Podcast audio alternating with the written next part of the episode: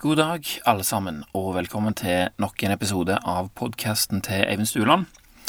Det er jo jeg som er Eivind Stuland, og denne podkasten her, den eh, handler om litt forskjellig. Noen ganger så er det noe jeg har skrevet eller tenkt på, andre ganger kan det være eh, den tingen jeg har tenkt på, er noe jeg skal lese i bok, eller det handler om ei bok, eller hvis det passer seg sånn, så eh, hender det at jeg intervjuer folk òg. Men det, det, kan være litt forskjellig, men stort sett kommer det iallfall én episode i uka.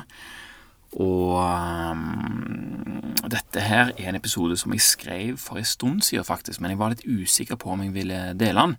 Men nå deler jeg den allikevel. Jeg tenkte at kanskje noen ville få dette her til å passe med, med egne erfaringer, at noen kanskje får noe igjen for dette her, da. Og det er jo det å lære av andres erfaringer som er den ultimate måten å lære på. Eh, da slipper du jo sjøl å måtte gjennomleve Eh, det det krever, og ikke minst ta konsekvensene av det som skjer da. For det opptar ganske mye mer energi enn å høre på denne episoden. Så vær så god, her har du da en av mine hardt opptjente erfaringer. Så kan du se om du kan få det til å Om det kan passe å bruke til noe som du opplever i ditt liv, da. Så nå leser jeg bare opp det jeg skrev den gangen, og dette her var sikkert i april eller noe sånt. Så, så får, du, får du bare høre, høre det sånn som jeg skrev det. Jeg tenkte mye på mandag og tirsdag. Nå er det onsdag, og jeg er for så vidt ferdig med å tenke. Og mens jeg tenkte, så prøvde jeg å la det jeg leste og reflekterte over, gi meg veiledning i forhold til hva jeg skulle gjøre. Egentlig så prøvde jeg ikke på det i det hele tatt, men det bare skjedde av seg sjøl. Svar på hva jeg lurte på, og råd til hva jeg skulle gjøre, presenterte seg sjøl i alle kanaler. Det er jo sånn hjernen vår virker hvis vi bare skrur på den funksjonen. Det er dødskult, egentlig. Og nå etter å ha handla eh, ferdig i forhold til det som, eh, alt det som har skjedd, så er jeg veldig fornøyd. Og det var egentlig en bagatell, dette en helt hverdagslig ting som kunne glidd over i ingenting uten at noen merker noe særlig mer til det. Men ofte så er det en liten bagatell som er en liten del som bidrar til noe stort, hvis du fatter. Og det er lettere å ta eh, og hanskes med bagatell for bagatell enn å plutselig måtte stå imot en tsunami av bagateller som har lagt seg oppå hverandre med en skjult Godzilla inni alle vannmassene her. Så jeg tenkte at jeg skulle skrive alt det som, som skjedde, og, mm, om og hva jeg gjorde, og tenkte underveis. Og etterpå så hadde jeg da tenkt å lese dette for kona mi, og hvis det er greit for hun, så skulle du òg få høre om det. Og det har jeg da altså gjort, og det var greit at jeg fikk dele dette her, så derfor så får du altså høre det nå. Alt starta med en veldig hyggelig prat som jeg og kona mi hadde i bilen på vei hjem fra Stavanger. Vi hadde vært og besøkt uh, mor mi, og dette her var rett etter jeg hadde bestemt meg for å ta et års alkoholpause, mer eller mindre. Så jeg var veldig uh, glad for at jeg ikke hadde drukket vin den helga, og nøyt følelsen av at jeg hadde overskudd både mentalt og fysisk. Ingenting var irriterende og plagsomt, til tross for at det var søndag og vi hadde vært i bilen med to unger i nesten fire timer. Vi snakka om hvordan vi kunne legge til rette for å få det enklere i hverdagen. For jeg skulle på jobb dagen etterpå her og være vekke noen dager. Og kona mi, eh, det, da er jo hun alene med ungene, noe som hun klarer veldig, veldig bra. Eh, stort sett, men det kan jo alltids bli bedre. sant? Eh, eller det kan iallfall alltids bli lettere for hennes del. Men det som er med kona mi, er at hun er veldig, veldig flink til å la unger få ha det kjekt til å drive med ting som de har lyst til, og det skal så å si aldri gå på bekostning av hva oss voksne gidder. Sant? Og det er en veldig fantastisk egenskap, egentlig, for det er veldig fort gjort å si sånn 'Å, kan vi ikke ta ut legoteppet i stua?' og alt det der. Så er det sånn Åh, nei, liksom. Men det er altså hun veldig god til å, å gjøre, da. Men summen av de prosjektene hun setter i gang, setter i gang har en tendens til å lage litt kaos og rot for henne, som igjen da blir til stress og gjør at kanskje totalen blir verre enn det trenger å være. Det er jo selvsagt kjekt der og da, med maling og baking og stua full av dokker og Lego og venninner og venner og alt sånt som det, men kostnaden viser seg gjerne ikke før i etterkant. Og det var liksom det vi snakket litt om, om disse dagene alene med ungene kunne bli litt hyggeligere, om hun kunne ha litt mer energi, om fokuset er på egen kapasitet og hva hun har energi til. Sant? Litt god gammeldags 80-20-tenking der. Ungene kan ha det 80% av så morsomt som de kunne ha det maksimalt, men med bare 20% av kostnaden, eh, i anførselstegn. Eh, hvis du fatter hva jeg mener der. At eh, ja, vi kan gjøre kjekke ting, men vi trenger ikke ta helt av. Sant vel? Og ja, vi var veldig enige, og det var lurt å se på det sånn, og bla, bla, bla. Vi syntes begge to at dette var en god prat, og når vi kom hjem, så la vi ungene og gjorde ting i stand til neste dag. Nister og frokost, og ungene var klart, og det var ryddig og oversiktlig for uh, neste måned. Liksom nice, klar for en ny uke, liksom, der ting er lagt til rette. La meg tidlig med ambisjoner om å stå opp tidlig. Uh, jeg sov litt dårlig denne natta her, eller jeg var iallfall ganske trøtt når jeg våkna. Men etter min vanlige oppvåkningsrutine så satte jeg meg ned for å skrive morgensidene mine da før alle sto opp. Og jeg skrev gode ting og hadde gode følelser, liksom, og, og sånn som det. Og mandagen, da hadde Barbro hun hadde seinvakt, det vil si at hun og Ylva de skulle ikke av gårde før halv ni det er veldig greit. sant? Ask han drar som regel av gårde mellom halv åtte og kvart på åtte. Og det er jo alltid litt bedre når Barbro og Ylva har god tid, for det er de som bruker mest tid. Og da kan vi fokusere på å få Ask liksom klappa og klar og i gang og av gårde. Og så kan vi bruke resten av tida på Ylva med fletter og alt det som eh, hører med. Nabogutten han kommer jo dinglende i halv åtte-tida, og de tar følge av Ask og han til skolen da. Men en av de tingene som jeg skrev i Five Minutes Journal denne morgenen her, det var at jeg ville gjøre morgenen fornøyd for familien. En god start på uka for alle, siden jeg skulle på jobb og sånn som det. Eh, liksom, Det var ambisjonen min. Men bare minutter seinere så skulle jeg jo komme til å feile grundig når det kom til akkurat dette her. Men ikke helt ennå. Jeg satte i gang med frokosten i god tid, sånn som pleier. Og som regel så er det sånn at jeg tar meg av frokost og nistelaging og alt sånt som det, nede. Mens Barbro da står opp og tar seg av det som skal skje på badet. Sånn, Pusser tenner og få på klær og alt det der.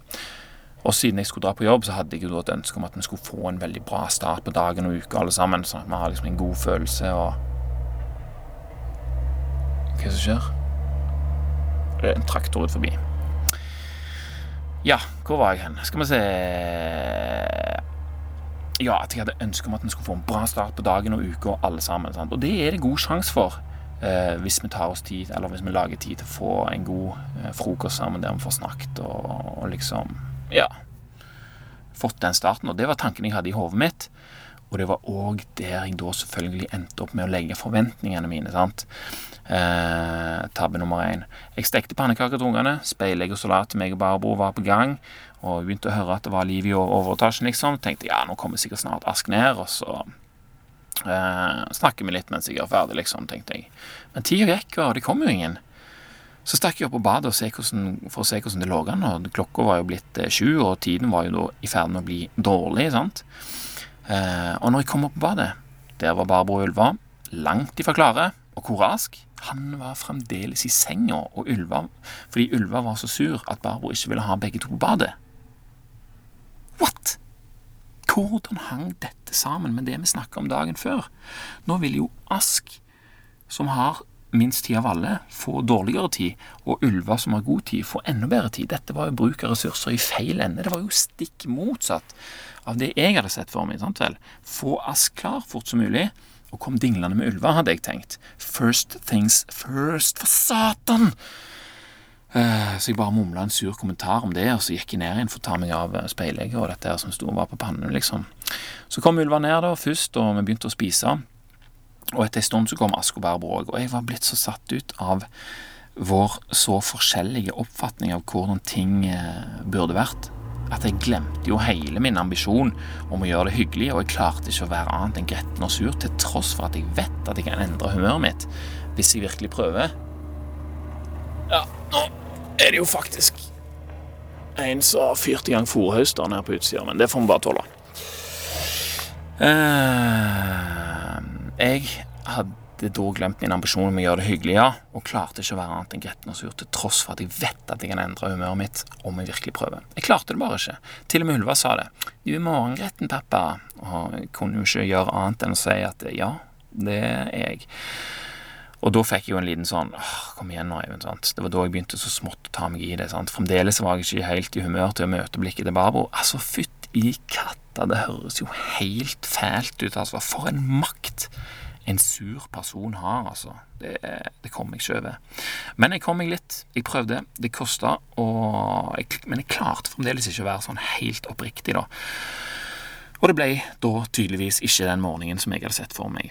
Og jeg tror ikke at det ble den morgenen de andre hadde sett for seg heller. Alt forandres når det blir dårlig tid. sant? Og jeg tenkte jo bare hvorfor hadde ikke Barbo bare vekt Ask og fått han i gang? Da hadde jo alt gått så mye bedre.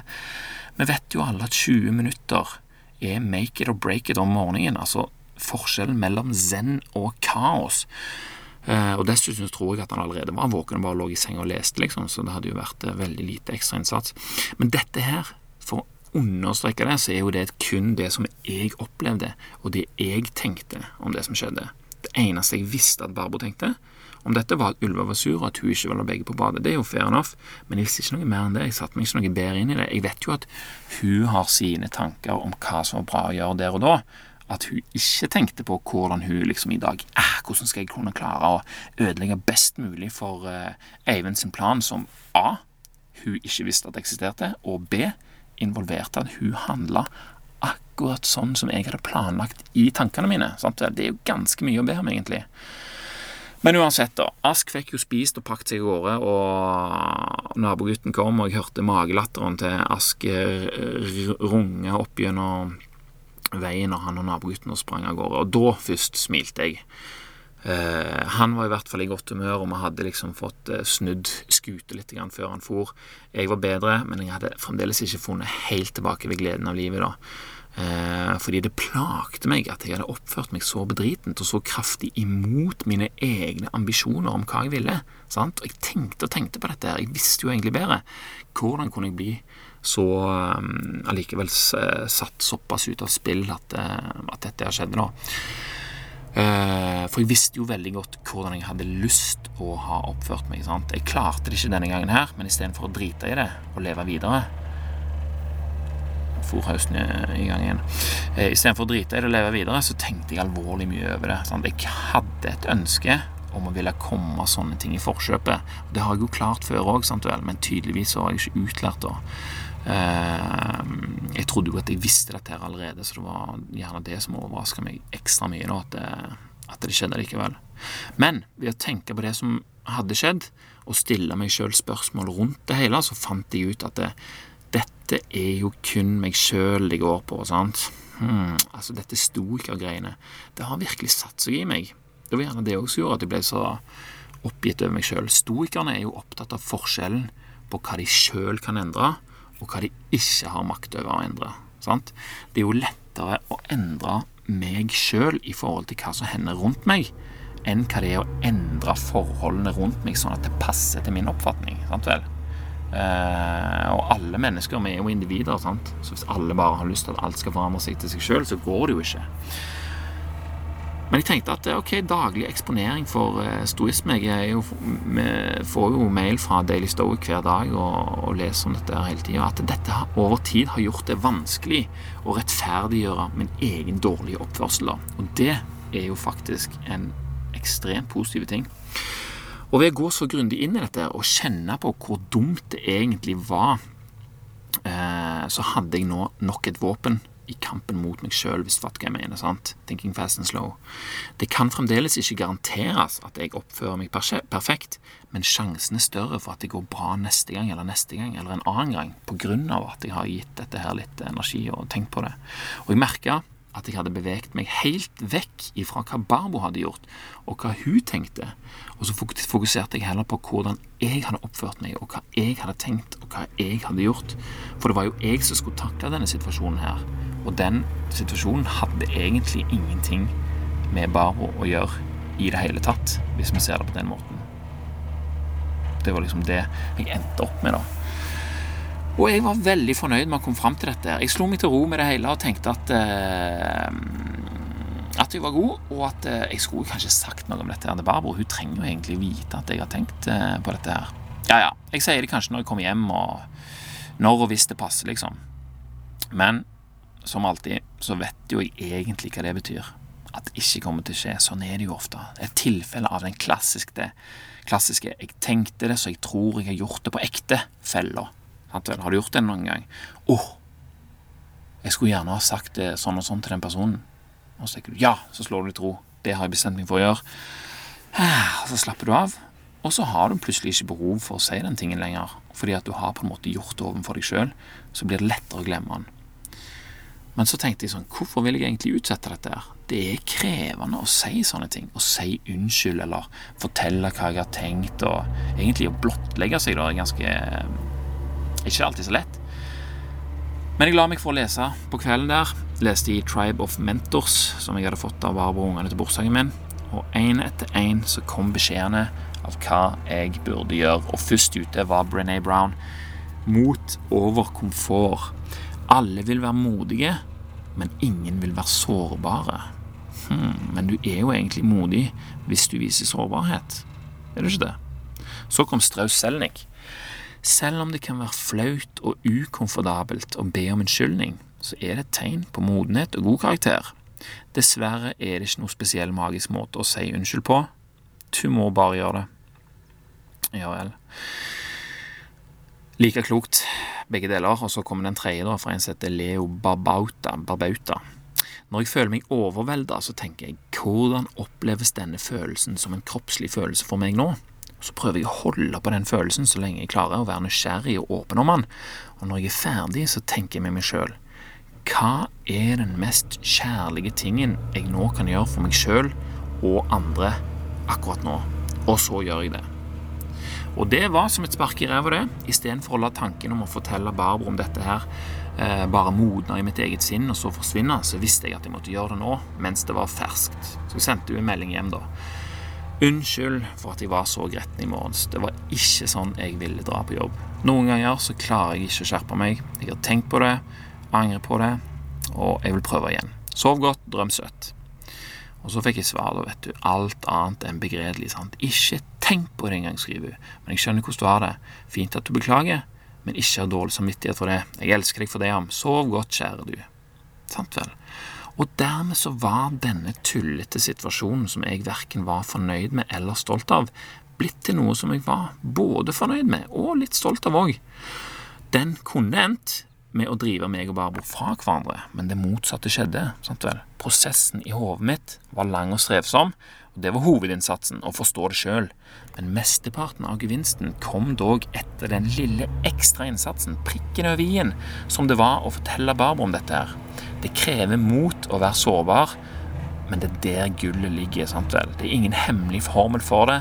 Det er bare å si det, og så går livet videre med bedre utsikter enn hva det hadde før det krever bare litt innsats, men det er jo vel verdt det. Og det, folkens, det var den historien. Håper du får en uh, alle tiders dag i dag, og kanskje vil en situasjon som du havner i, få et mer positivt utfall om du tilpasser deg endringer. Uh, om du tilpasser deg endringer i tilværelsen din istedenfor å skylde på det som skjer rundt deg. Og har du drept deg ut, så ligger det mye gull i å innrømme det for deg sjøl. Starter du i dag, så vil det mye snarere bli en vane, og dermed så vil det skje av seg sjøl. Da vil du få et, vil jeg tro, mye bedre liv. Det er iallfall det jeg prøver på. Og uh, det var egentlig det. Takk for nå. Takk for meg, og takk til deg som hørte på. Så høres vi kanskje neste gang.